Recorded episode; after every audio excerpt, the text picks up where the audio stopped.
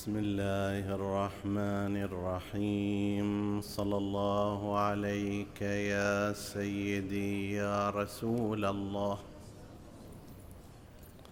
صلى الله عليك وعلى ابن عمك أمير المؤمنين وإمام المتقين.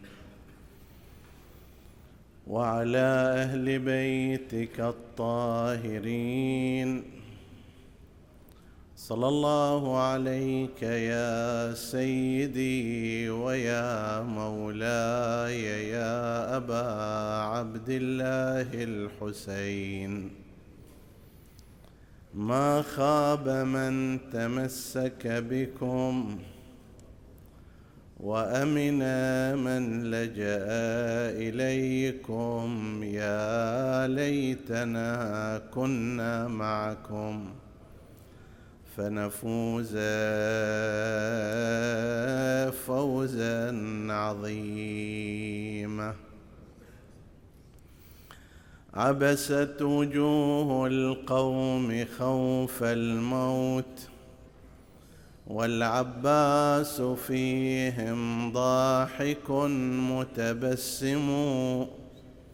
قلب اليمين على الشمال وغاص في الأوساط يحصد في الرؤوس ويحطم.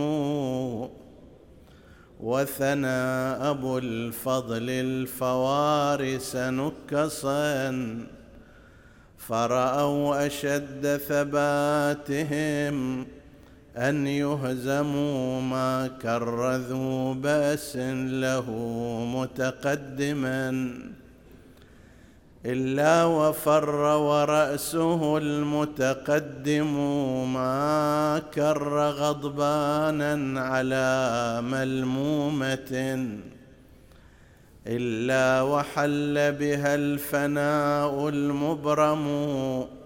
بطل إذا ركب المطهم خلته. جبلا أشم يخف فيه مطهم. بطل تورث من أبيه شجاعة. فيها أنوف بني الضلالة ترغم. عرف المواعظ لا تفيد بمعشر. صموا عن النبأ العظيم. كما عموا فانصاع يخطب بالجماجم والكلا والسيف ينثر والمثقف ينظم. لو سد ذي القرنين دون وروده نسفته همته بما هو أعظم. ولو استقى نهر المجرة لارتقى. وطويل ذابله إليها سلم أو تشتكي العطش الفواطم.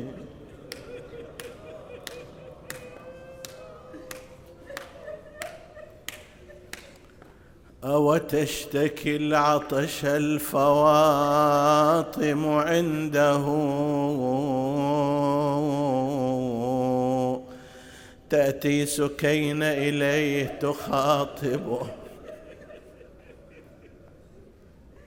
عم أبا الفاضل لم أذق الماء منذ البارحة. تأتي إليه زينب ومعها عبد الله الرضي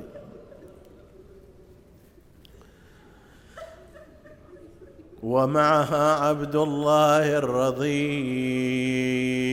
جف اللبن في ثدي أمه وهو عاطيش لكن حسمت يديه المرهفات وعباسا.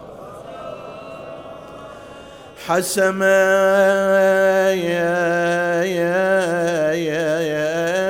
يديه المرهفات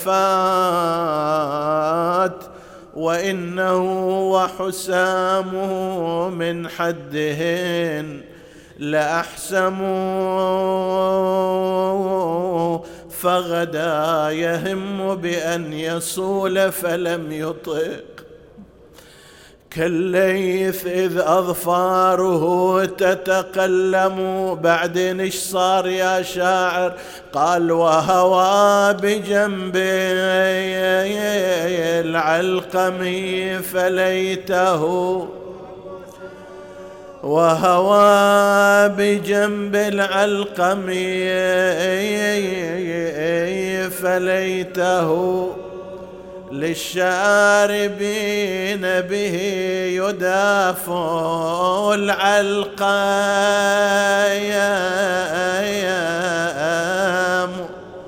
ومشى لمصرعه الحسين وحسين.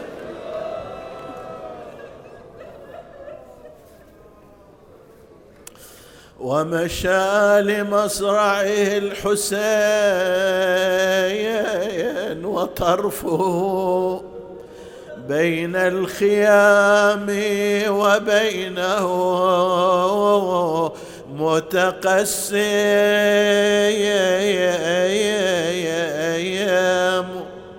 نادى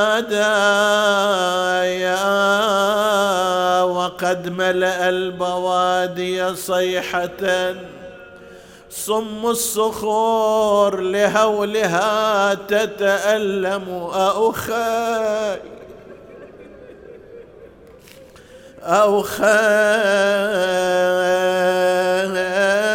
من يحمي بنات محمد؟ أو خاي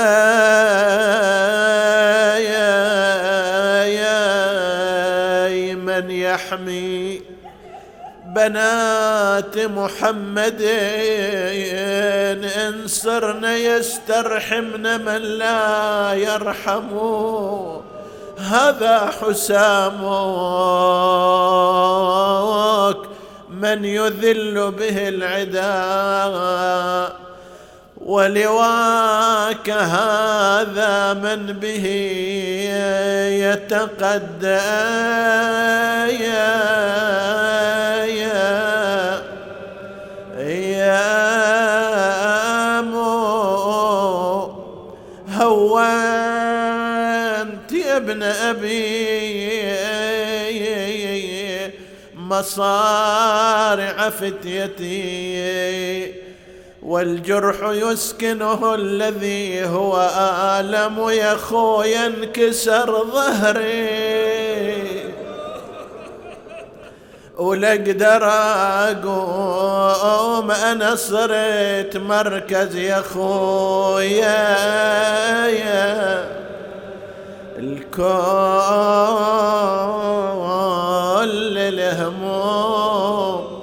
يا خويا استوحدوني عقبك القوم.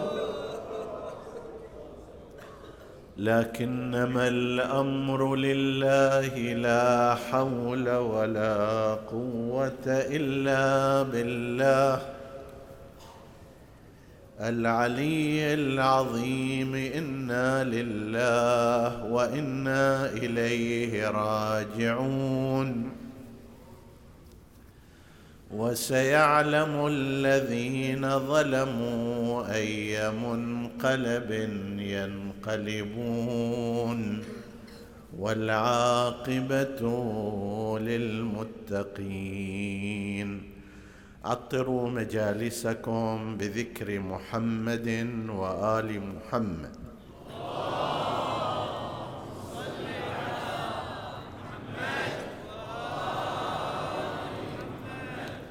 اللهم صل على محمد اللهم صل على محمد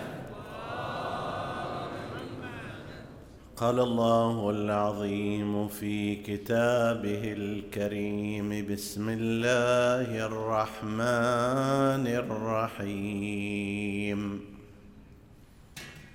هارون أخي أشدد به أزري وأشركه في أمري.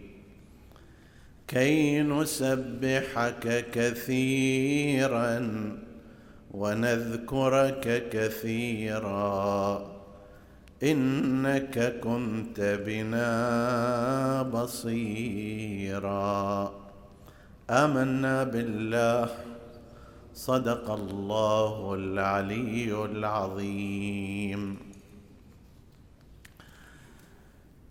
ننطلق من هذه الآية المباركة في حديثنا الذي هو بعنوان الأخوة في أسمى معانيها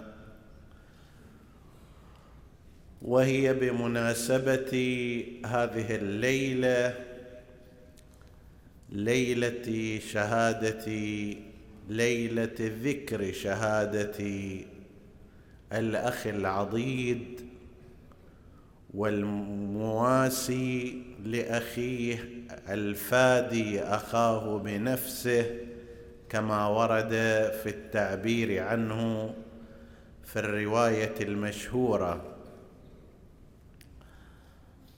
نتحدث إن شاء الله عن هذا الموضوع ونلقي بنظرة على بعض الأمور المرتبطة به في العقيدة والمجتمع. اولا معنى الأخ والأخت في اللغة معنى واسع.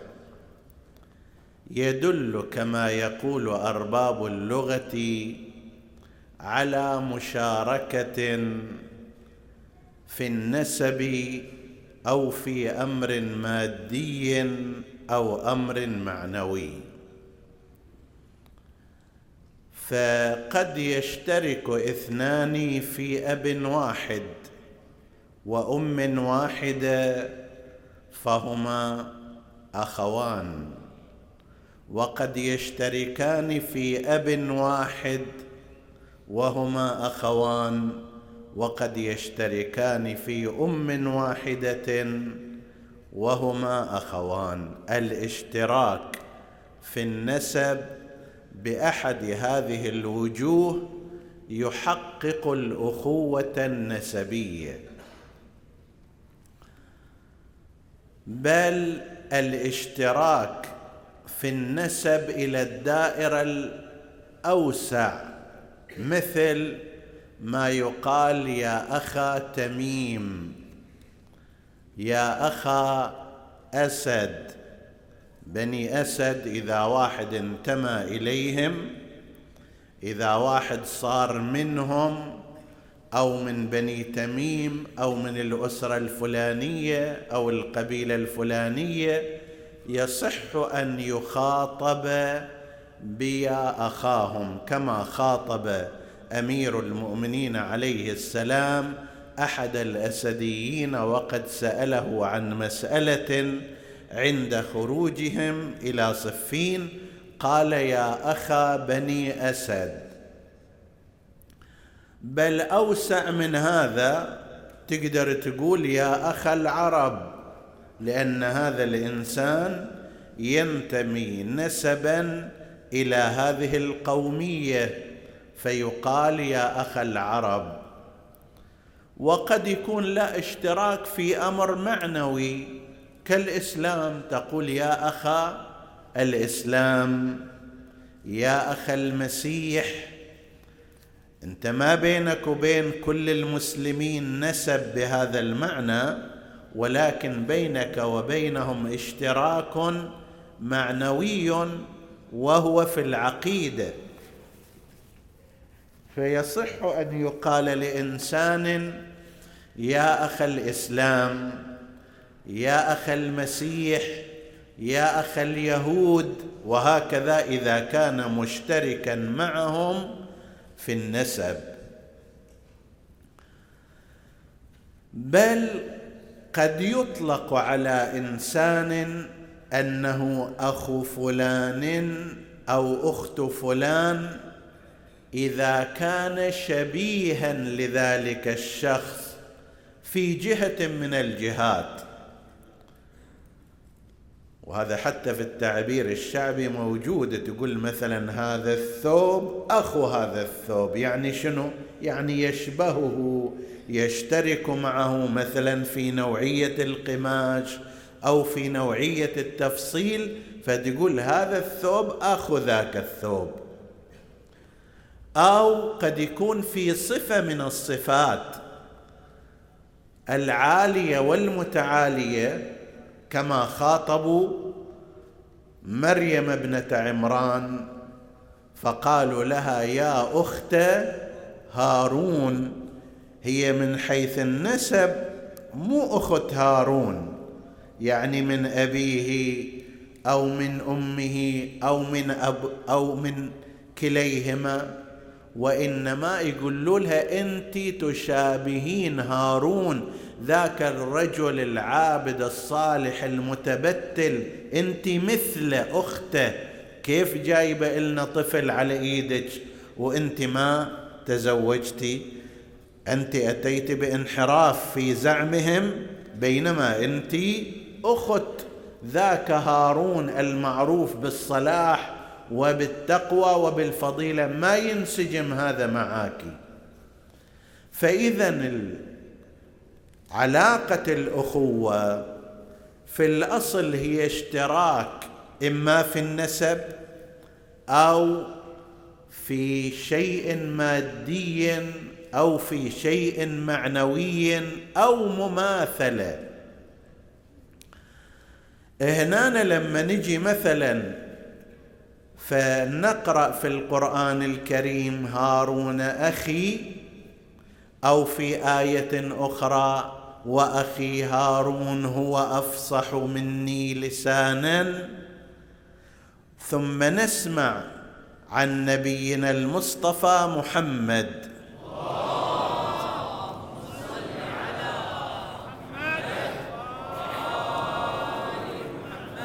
أنه قال لعلي عليه السلام أنت مني بمنزلة هارون من موسى. المنازل التي ذكرها القرآن الكريم لنبي الله هارون قياسا إلى موسى هي أنه أخوه وهي أنه وزيره. وهي أنه لسانه الذي يتكلم به بل في صورة هارون وموسى الشخصية هو أفصح لسانا. جهاز الإعلام مال نبي الله موسى كان هارون فهذه منازل لسانه الذي ينطق به. أخوه الذي يعينه ويشد أزره به قال في آية أخرى في سورة القصص قال سنشد عضدك بأخيك ونجعل لكما سلطانا بآياتنا فلا يصلون إليكما بآياتنا فهي منازل جعلها الله سبحانه وتعالى وأخبر عنها في كتابه نسبة هارون إلى موسى أخ واحد اثنين أنه لسان ثلاثة وزير واجعل لي وزيرا من أهلي اربعه ظهير ومساعد ويشد العضد به. إن تستثني من هذه المنازل منزلة أخوة نسبية. الأخوة بمعنى المشابهة والمشاكلة والمشاركة موجودة. بين نبينا محمد وبين علي أمير المؤمنين عليه السلام.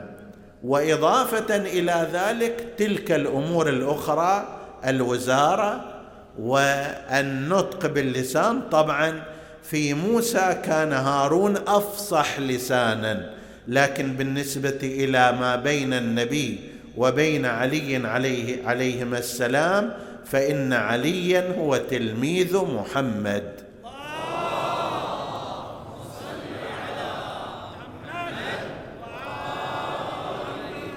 فصاحة علي هي من فصاحة رسول الله.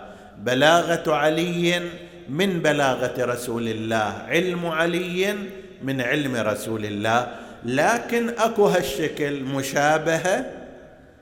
هاي المشابهة كشفت عنها أيضا الآية المباركة آية المباهلة وأنفسنا وأنفسكم. إلى هالدرجه من المشابهة والمشاكلة إلى حد المساواة بين النفسين وبين الذاتين بالإضافة إلى سائر المنازل. هذه بالنسبة إلى الأخوة التي يذكرها القرآن الكريم في قول الله عز وجل وأخي هارون هو أفصح مني لسانا فأرسله معي ردءا يصدقني. والآية التي توجنا بها الحديث التي يقول فيها هارون أخي اشدد به أزري وأشركه في أمري. قضية الأخوة أيها الأحباب أيتها الأخوات الكريمات من العلاقات الاجتماعية المهمة التي تترتب عليها آثار شرعية. يترتب عليها اثر في الميراث. الإخوة طبقة من طبقات الوراث تعلمون أن الميراث عندنا في الشرع الإسلامي ثلاث طبقات. بحسب الترتيب طبقة أولى هي الأقرب ثم الأقرب ثم الأقرب. هكذا. الطبقه الأولى مثل الأبوان والأولاد هاي الطبقة الأولى. ليش؟ لأنهم لأن هؤلاء أقرب شيء إلى الإنسان. ما يحتاج واسطة. هذا ابن وهذا أب. هذا أب وهذا ابن. هذه أم وذاك ابنها. ما يحتاج واسطة. بينما مثلا في الأخ اللي هو في المرحلة الثانية يحتاج إلى واسطة. إما أنا أشترك مع هذا في أب واحد فأنا أحتاج إلى وجود واسطة حتى تصير بيننا قرابة أو أكون يكون بيني وبينه واسطة وهي الأم لأن الأخ من الأم أيضا هو أخ. طيب فلا بد أن حتى لو كان الأبوان مختلفان طبعا يتغير الأمر في قضية الميراث الآن ما راح نتحدث عنها وإنما عن أصل القضية. فالمرتبة الثانية والمرحلة الثانية في الميراث هي الإخوة. الإخوة والأخوات هؤلاء يحتاجون إلى واسطة وهي وجود أب مشترك أو أم مشتركة أو كلا الأمرين. هذه من الآثار التي يرتبها الإسلام على علاقة الأخوة. إذا ما كان أخ لا يرث شيئا. إذا صار أخ فإنه يرث مع عدم وجود أحد من الطبقة الأولى من الآباء والأولاد. بين قوسين طبعا الزوجة ترث في كل المراحل والزوج إذا ماتت زوجته يرث في كل المراحل سواء وجدت الطبقة الأولى أو وجدت الطبقة الثانية وجدت الطبقة الثالثة ماكو فرق. الزوج والزوجة يرثان على كل حال. فرتب الإسلام على علاقة الأخوة واحد من الأمور الميراث. واحد من الأمور رتب عليها المحرمية. المحارم هن اللاتي لا يجوز الزواج بهن. تقدر تتزوج بنت عمك ولكنك لا تستطيع أن تتزوج عمتك. ليش؟ لأن عمتك ممن يحرم عليك الزواج بها كما نزل بذلك القرآن الكريم. وهكذا بالنسبة إلى خالتك وهكذا بالنسبة إلى أختك وعلى, وعلى هذا المعدل. فمن جملة الأحكام التي رتبها الشرع على علاقة الأخوة المحرمية عدم جواز الزواج بين الأخ وبين الأخت سواء كان أخ لأمه أنت أخو فلانة من طرف الأم أو كنت أخوها من طرف الأب أو من الطرفين بل أيضا لو كنت أخاها من الرضاعة. الأخ الرضاعي يحرم عليه أن يتزوج أخته من الرضاعة. اثنين ارتضعا فلان وفلان ارتضعا من أم واحدة بشروط معينة. هؤلاء يصبحان أخوين رضاعيين وإن كانا لأبوين مختلفين. أخي لنفترض اجى يرتضع من أمي وابن الجيران أيضا. أمه مثلا ما عندها حليب أو مريضة أو غير ذلك جابوه هنا راح يصيروا هذول شنو؟ أخوين رضاعيين وإن كان لا يوجد بينهما انتساب. هذا من أسرة وهذه من أسرة أخرى. هذا أبوه وأمه من قبيلة وهذه من قبيلة أخرى بس على أثر الرضاع لا يجوز الزواج بينهما. ويترتب على هذا ما دامت من المحارم أنه يستطيع أن ينظر إليها. ولا يجب عليها أن تتحجب منه. تقدم في ليلة من الليالي قضية الحجاب وفلسفته مع العفاف ذكرنا ذلك. وأن الواجب أن تتحجب المرأة عن الرجل الأجنبي عنها وأن الرجل الأجنبي يجب أن يغض بصره عن المرأة الاجنبيه التي لا ترتبط به بعلاقة مشروعة. المحارم يجوز للإنسان أن ينظر إليها. أنا عندي أخت رضاعية مثلا يجوز لي أن أنظر إلى شعرها إلى بعض جسمها. طبعا كل ذلك من غير شهوة أو ريبه أختي المباشرة أيضا كذلك. أختي لأمي أختي لأبي أختي لأبوي. طرفين ما دامت من المحارم يجوز النظر إليها نظرا غير شهوي حتى في مثل الشعر وما شابه ذلك وبعض الجسم. طيب هذه من الآثار اللي تترتب على علاقة الأخوة. من الآثار التي تترتب على علاقة الأخوة علاقة النصرة قضية النصرة أن ينصر الإنسان أخاه النسبي في المعروف. ومشهور حديث بين المسلمين عن رسول الله محمد.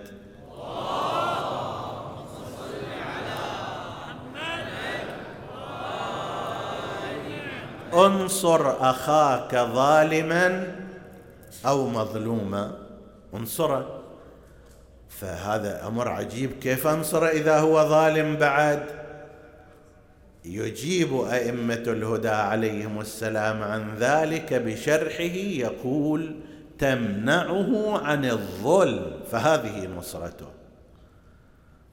أخوك راح مقترض من البقالة أو عنده استيجار اجى المؤجر وطلب منه شيء أجرة البيت أو الشقة طلع عليه لسان طوله متر. زين. أنت لازم تناصر أخوك هنا تنصر أخاك ولكن بماذا؟ بأن ترد عليه. تمنعه عن الظلم. تقول له ليش أنت هالشكل؟ مستأجر لو ما مستأجر؟ إذا عليك الحق أن تسدد إليه. لماذا لا تسدد إليه؟ فأنت إذا منعته عن الظلم فقد نصرته وأعنته لأن الإعانة على الحق مطلوبة وإرجاع الخاطئ إلى الصراط لازم منك. إذا كان مظلوم أيضا الأمر جدا واضح. لكن قد يعتري هذه العلاقة أيها الاخوه الكرام أيتها الأخوات الكريمات يعتريها منكدات ومفسدات. أصل العلاقة علاقة مطلوبة. ذكرها مولانا زين العابدين عليه السلام في رسالة الحقوق. يقول وأما حق أخيك فأن تعلم أنه يدك التي تبسطها. معونة. ما يصير أن واحد أخوه في أعلى الدرجات من الناحية المادية وهو في أدنى الدركات من جهة الفقر أموره خربانة وضعه تعبان ولا يقبل كلام ذاك الطرف عندما يقال له ترى أخوك وضعه سيء يضطر إلى أن يطلب من أهل الخير ومن الجمعيات وانت الله سبحانه وتعالى أعطاك ووسع عليك من الخير. بعضهم بهاللسان غير الجيد يقول لازم يشتغل بنفسه. كل واحد مسؤوليته نفسه أنا اشتغلت أنا جهدت أنا كدحت حتى حصلت هالشكل. هو أيضا لازم يشتغل. ليس صحيحا ابدا. اولا أنت ما اشتغلت. لولا أن الله سبحانه وتعالى يسر لك طريق الرزق لصرت أسوأ منه حالا. هذه نفس فكرة قارون. قال إنما أوتيته على علم عندي. أنا اللي قدرت. أنا اللي اشتغلت أنا اللي فكرت أنا اللي خططت أنا اللي ركضت. هذا نفس المنطق. لا ليس كذلك. الله يسر لك. الله أعطاك الصحة. الله بصرك بالطريق. الله بارك لك في الرزق. ولولا الله سبحانه وتعالى فعل لك ذلك. لكنت في فقر مدقع. فأنت لازم تحمد ربك اولا. ما تقول أنا وأنا قل الله.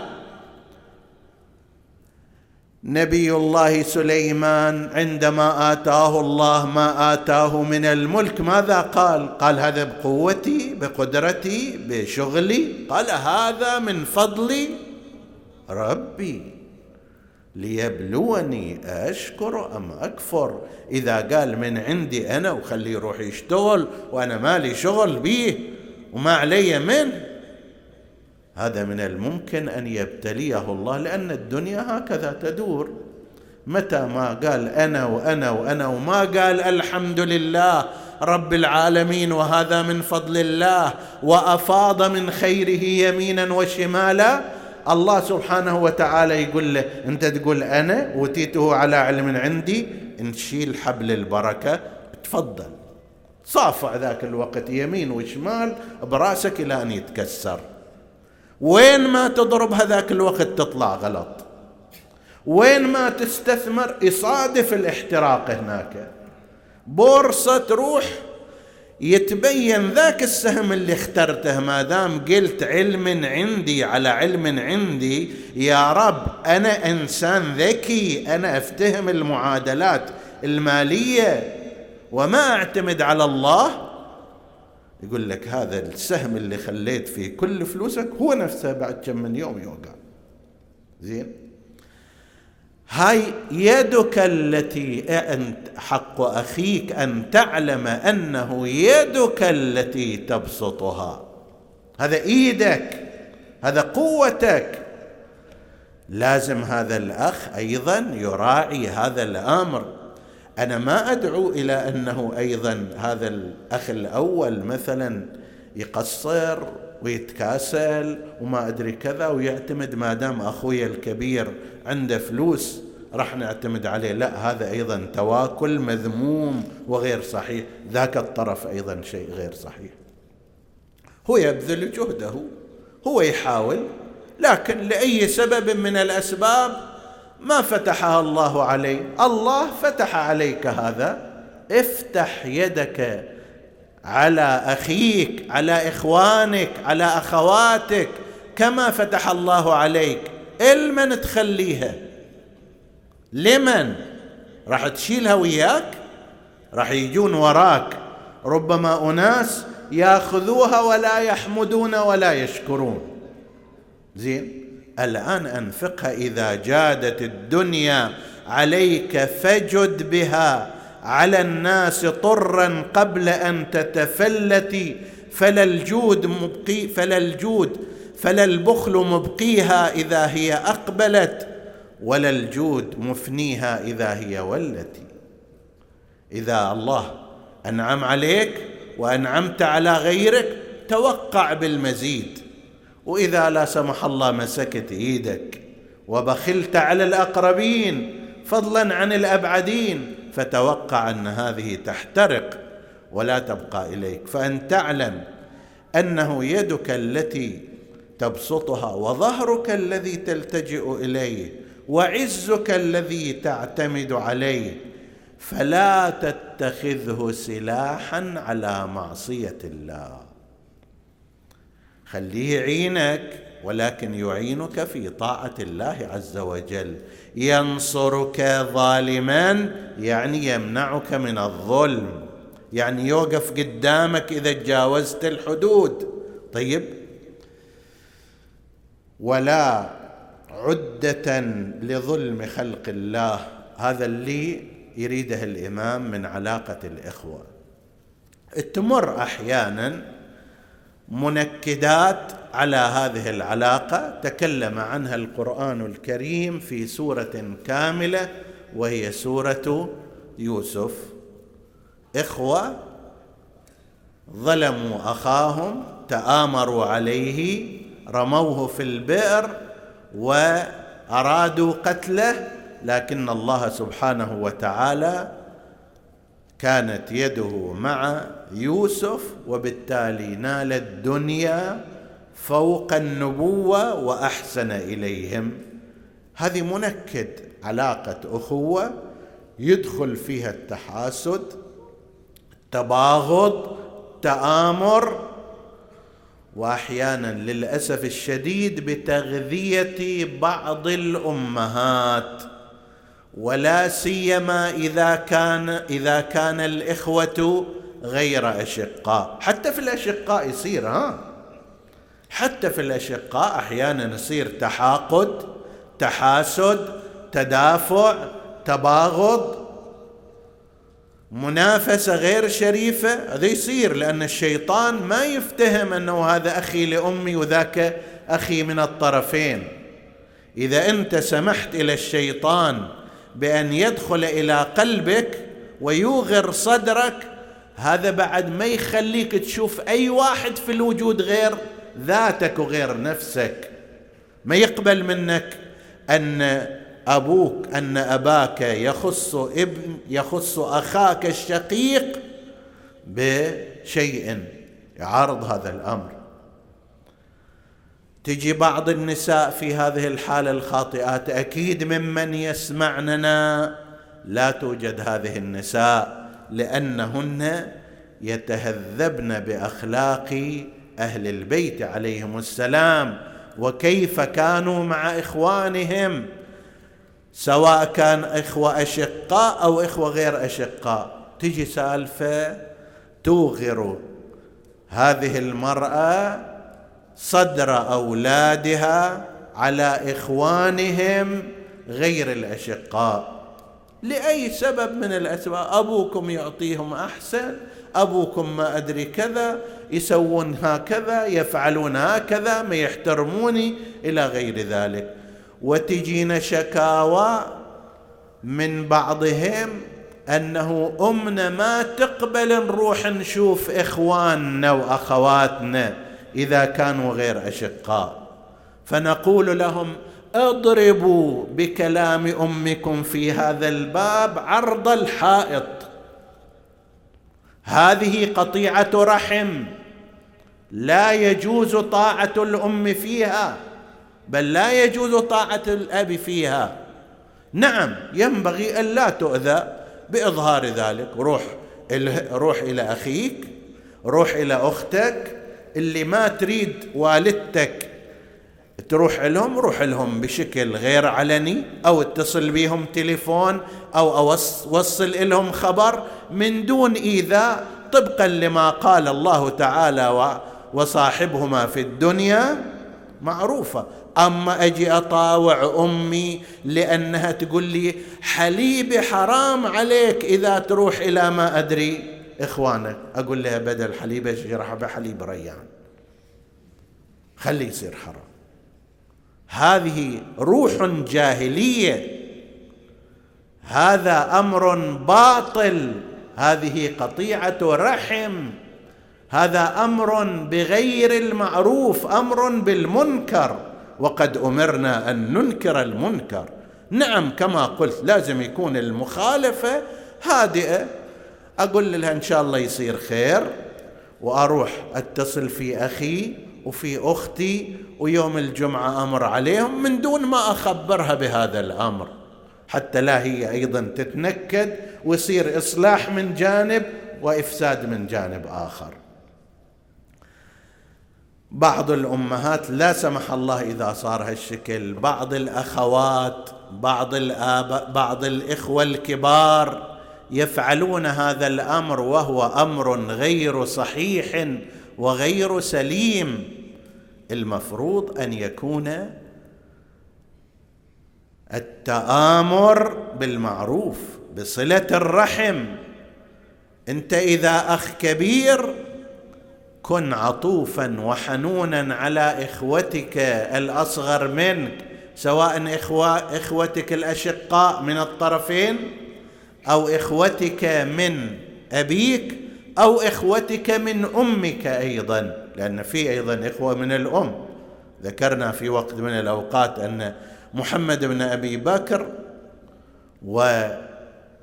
وأيضا عبد الله بن جعفر الطيار ويحيى أو عون ابن أمير المؤمنين هذول آبائهم ثلاثة مفترقين ولكن أم أمهم واحدة وهي أسماء بنت عميس فهم إخوة من طرف الأم كلهم هذول. ثلاثة آباء لهم ولكن أم واحدة وهم إخوة من الأم. إذا كان هذا رجلا كبيرا الأخ أكبر الإخوة لازم ينظر إلى إخوته الصغار. أشقاء كانوا أو غير أشقاء؟ فيعطف عليهم. ويكون ابا ثانيا لهم. لا سيما إذا كان أبوه قد توفي. يصير مثل القيم عليهم. تربية تهذيب مساعدة مالية اهتمام عاطفي غير ذلك. هذا من المطلوب جدا.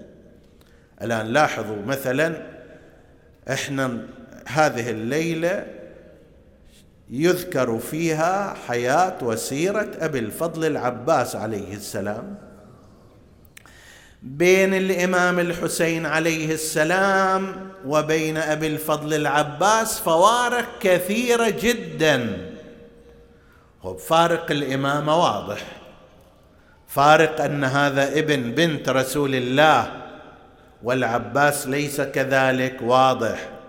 فارق أن الحسين عليه السلام أكبر من العباس بحوالي ثلاثة وعشرين سنة لأن الحسين ولد في سنة أربعة للهجرة والعباس ولد في ستة وعشرين للهجرة.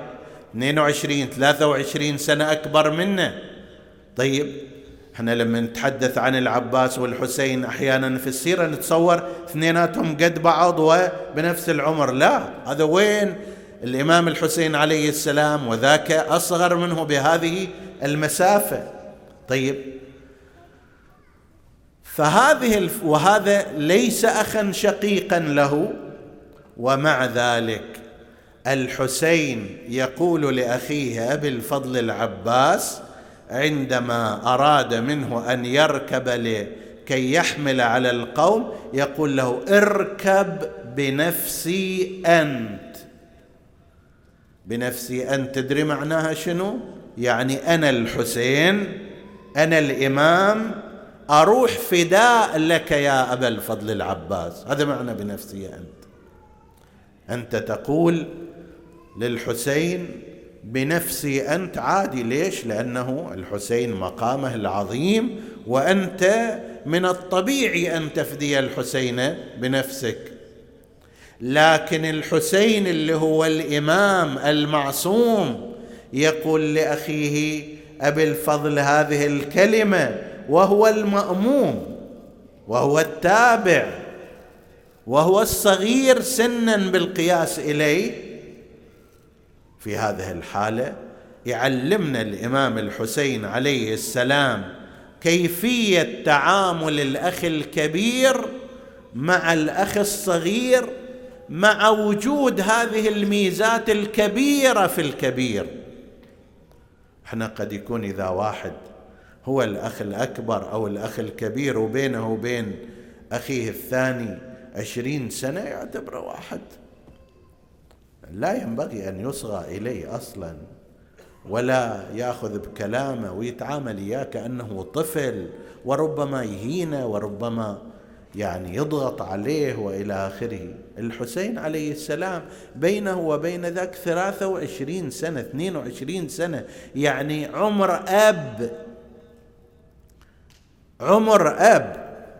ومع ذلك وإمام معصوم صلوات الله وسلامه عليه وفضيلته عليه من كل الجهات نسبا حسبا دينا عقيده بس هم يقول له اركب بنفسي أنت. والعباس وهو صغير السن وهو يعرف مقامه يعتبر أن شهادته في هذه هي فداء للحسين. والله إن قطعتم يميني إني أحامي ابدا عن ديني وعن إمام صادق اليقين. هذا إمامي مو اخ ترى هذا عادي. أخ بالنسب ولكنه إمام بالمعنى. الولد الصغير الأخ الصغير أيضا يقول هذا أخويا. ولكن برتبة أبي برتبة أبي أنا اطيعه أنا آخذ بكلامه هو أكثر مني حكمة أكثر مني خبرة إذا كان كذلك. ما أخلي راسي براسه وين ما هو يريد شيء أنا عنده لا وإنما كما فعل العباس وعن إمام صادق اليقين. لذلك ترى ما احتل العباس هالمنزلة. عند أهل البيت عليهم السلام ثم عند أنصارهم وشيعتهم. ما احتلها قوتره زيارات من أعظم الزيارات زار أئمة أهل البيت. الأئمة لا ريب هم أفضل من العباس لأنهم أئمة منتخبون مصطفون. لكن مع ذلك تجد زيارة للعباس من زين العابدين عليه السلام. تجد زيارة للعباس من الإمام الصادق عليه السلام. وتجد فيها تعابير عالية المضامين. ذاك يقول السلام على أبي الفضل العباس المواسي أخاه بنفسه الآخذ لغده من أمسه لعن الله قاتله وراميه. زين. أو في الزيارة نقرأ أشهد لك بالتسليم والتصديق والوفاء والنصيحة لخلف النبي المرسل. أنا أشهد يا أبا الفضل العباس معرفة مني بمواقفك بأنك كنت مسلما بالتسليم بأنك وفيا كنت وفيا لما خرجت عليه مع الحسين عليه السلام. والوفاء والنصيحه الإخلاص والنصيحه لخلف النبي المرسل وهو الحسين والسبط المنتجب والدليل العالم والوصي المبلغ. طبعا هذا كله مو غريب عن توجيهات والدة العباس وإخوته الثلاثة لأن كان لها دور مهم في هذا الباب وإذا صار فرصة في أيام المذكورة في وفاة أم البنين نشير إلى هذا المعنى. لكن العباس تربى على هذه الطريقة حتى نتعلم منه ما كان. فله في نفوس الأئمة مقام عظيم. في كلماتهم في كلمات أصحاب الحسين عليه السلام. لما جاء شمر بن ذي الجوشن الضبابي لعنة الله عليه وقد جاء بكتاب خطي خاص وأمان مكتوب من ابن زياد. في يوم التاسع عصر التاسع جايب لنا الشمر بن ذي الجوشن أن هذا كتاب أمان لأبي الفضل العباس واخوته بس تطلعوا عن الحسين حتى لو ما تجوني يعني فنادى في الليل أبا الفضل العباس العباس استنكف أن يرد عليه. شوف الأدب شلون. حتى ما رفض ذلك ما قال له كذا وكذا ينتظر إشارة الحسين عليه السلام. كرر شمر النداء. العباس ما أجابه. بعدين قال له الإمام الحسين رد عليه وإن كان فاسقا. جاوبه. فقال له ما تريد يا ابن ذي الجوشن؟ قال له عندي لكم أمان من الأمير أنت وإخوتك إن تركتم الحسين. فقال سلام الله عليه لعنك الله ولعن أمانك أتؤمننا وابن رسول الله؟ الحسين مو آمن. يوم التاسع لما إجت العساكر بدأت تتحرك باتجاه المخيمات وتكامل عددهم لا كثر الله عدتهم ثلاثين ألفا. تصور ثلاثين ألف راح يهجمون الآن. ابن رسول الله لا أمان له. أنا العباس تؤمنني وابن رسول الله لا أمان له. اذهب لا حاجة لي في فيك ولا في أمانك. هنا بعد. أكو خشية صارت عند بعض هؤلاء. اجا زهير بن القين. قعد ويا العباس. أبا الفضل العباس ألا أحدثك بحديث؟ قال بلى. قال اعلم لما أراد أن يخطب أبوك. أمك. قال لعقيل اخطب لي امرأة امرأة قد ولدتها الفحولة من العرب. حتى تلد لي غلاما يكون ناصرا لولدي في يوم كربلاء. أمير المؤمنين شايل هم الحسين من قبل المعركة بسنوات ليصير وحيد وفريد.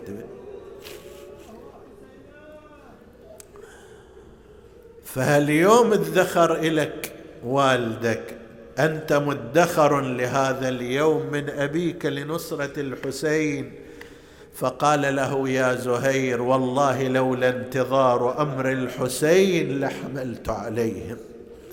هذول يخيفون الحسين لولا أنه إحنا طوع امره متى يقول تحركوا تحركوا لبادرتهم بالقتال. هذا يكفي لا لما رجع إلى خيمته جاءت زينب بأبي.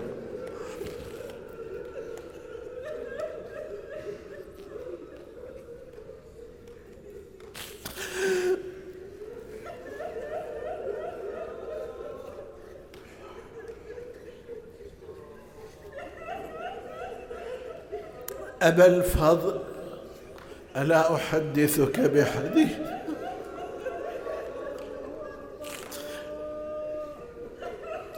حدثته بنفس الحديث. لا شك أن حالة هذاك الوقت حالة خوف. لا شك حالة اضطراب وإن كانت تثق بمواقف أبيها أخيها ولكن مع ذلك الموقف يخوف. العباس لسان حاله وقال لها لا تهيجين ولا يطب بقلبك الخوف. أنا ما يروعني طعن القنا ولا ضرب السيوف لكن طلبي من الله يسلم هالجفوف لحمل على العسكر. وذكرهم بابونا ولما قتل أصحاب الحسين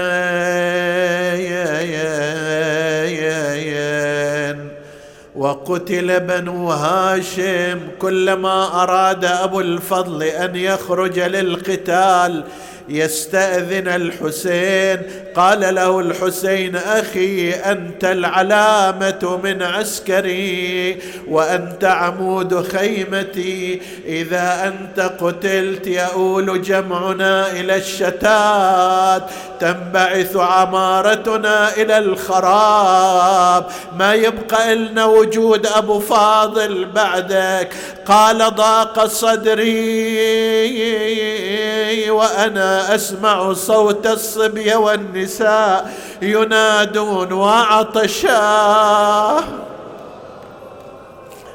ما أقدر أتحمل سكينة تأتي إلي زينب تأتي إلي بالرضيع.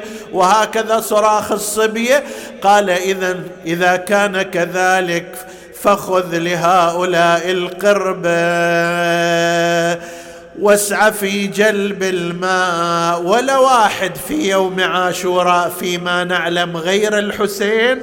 إلا أبي الفضل العباس طلع بالقرب الباقي كلهم طلعوا بلا قرب. هذا طلع حتى يأتي بالماء إلى المخيم. أسألكم بالله رجع بالماء لو بالقرب.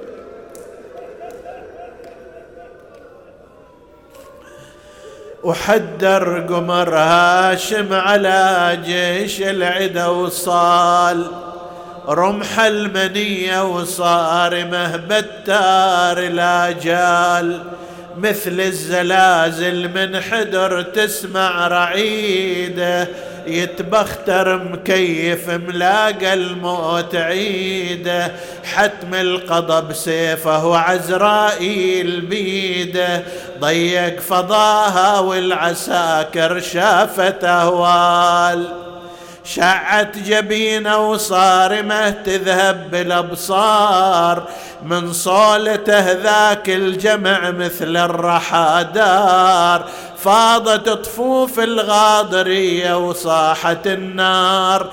بس امتليت اغمد البتارك يا سردال. فرت وظنت حل عليها نافخ الصور تطلب الملجأ والرمح يلعب بالصدور والشمس تتوقد وقلبه من الظما يفور. وتذكر سكينة وأخوها وللنهر ما الخاض الماي بس هي سب ترس جفه يروي عطش. تذكر لأن أخوه حسين وحسينا. تذكر لن أخوه حسين بعده ذب الماي من جفه وتحسر. شلون اشرى يا أبو أخويا حسين؟ وسكنة والحرام وأطفال رضعان. وظن قلب العليل التهب نيران. يا ريت الماء بعد لاح لو مار رمى الماء على الماء بعد أن ملأ كفه. ملأ القربة زمها على كتفه استوى على ظهر فرسه. أخذ يقاتل القوم همه إيصال القربة إلى المخيم. خاض في أوساطهم خرج من أعراضهم. عز عليك أبا عبد الله أدرك أخاك. بينما هو يقاتل جاءه لعين من خلفه وضرب العباس على يمينه. أين المنادي وعباسا؟ والله إن قطعتم يميني إني أحامي أبدا عن ديني وعن إمام صادق اليقين. نجل النبي الطاهر الأمين أخذ السيف بشماله ودماؤه تجري من يديه. أعاد الحمل عليهم جاء لعين آخر ضربه بالسيف على شماله. أيها عباساه وسيداه ومظلوما. والله إن قطعتم يساري فأصلهم يا رب حر النار. وقف أبو الفضل حائرا لا يدين فيقاتل بينما هو كذلك. وإذا بالسهام والنبال تأتي إليه فسهم أصاب القرب وأريق ماؤها. ومعها يئس من الحياة وسهم أصاب عينه فأعماها وأخاطها وقف هكذا يتلمس الطريق وإذا بلعين من خلفه جاء شاهرا حديدا ضرب العباس على مفرق رأسه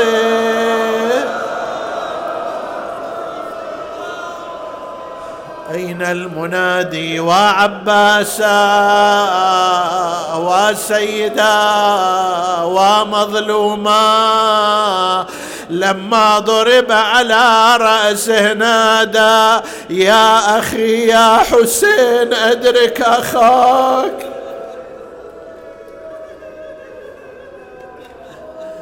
وهوى من على ظهر فرسه فانغرست السهام والنبال في بدن أبي الفاض أغمي عليه على أثر الظمأ ونزف الدماء. ما أفاق إلا ورجل قد وضع رأسه في حجره فظنه من الأعداء يريد أن يحتز رأسه. قال له أقسم عليك بمن تعبد إلا ما أمهلتني ريثما يأتي ابن والدي.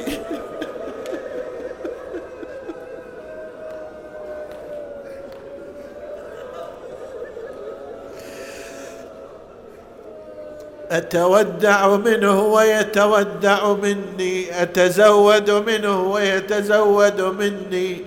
قال له أنا أخوك الحسين. أنا الذي كسر ظهره مصابك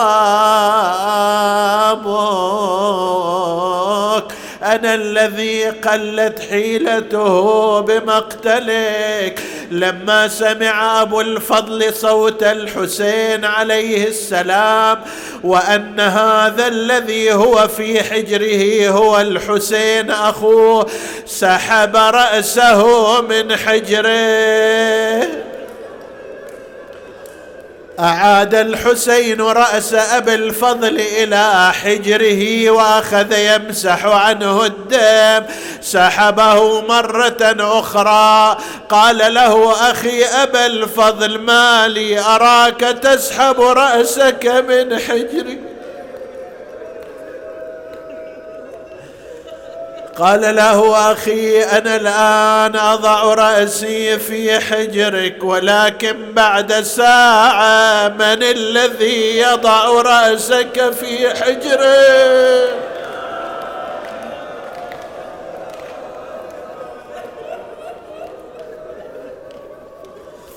ها أبو فاضل خايف على رأس الحسين يصير على الأرض؟ خايف عليه يصير على حرة الرمضة. لا ما راح يصير راح يصير على رأس رمح طويل. وحسينا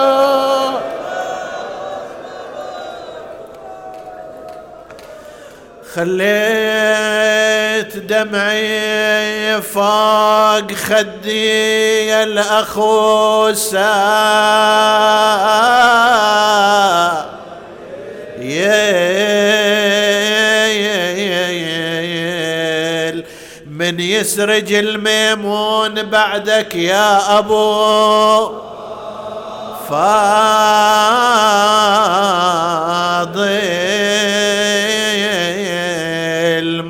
المظلوم يا أخو عطشان يا أخوي.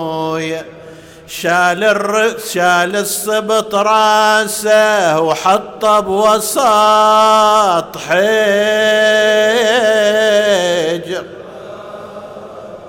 شال أبو فاضل وجرب حرة الغابرة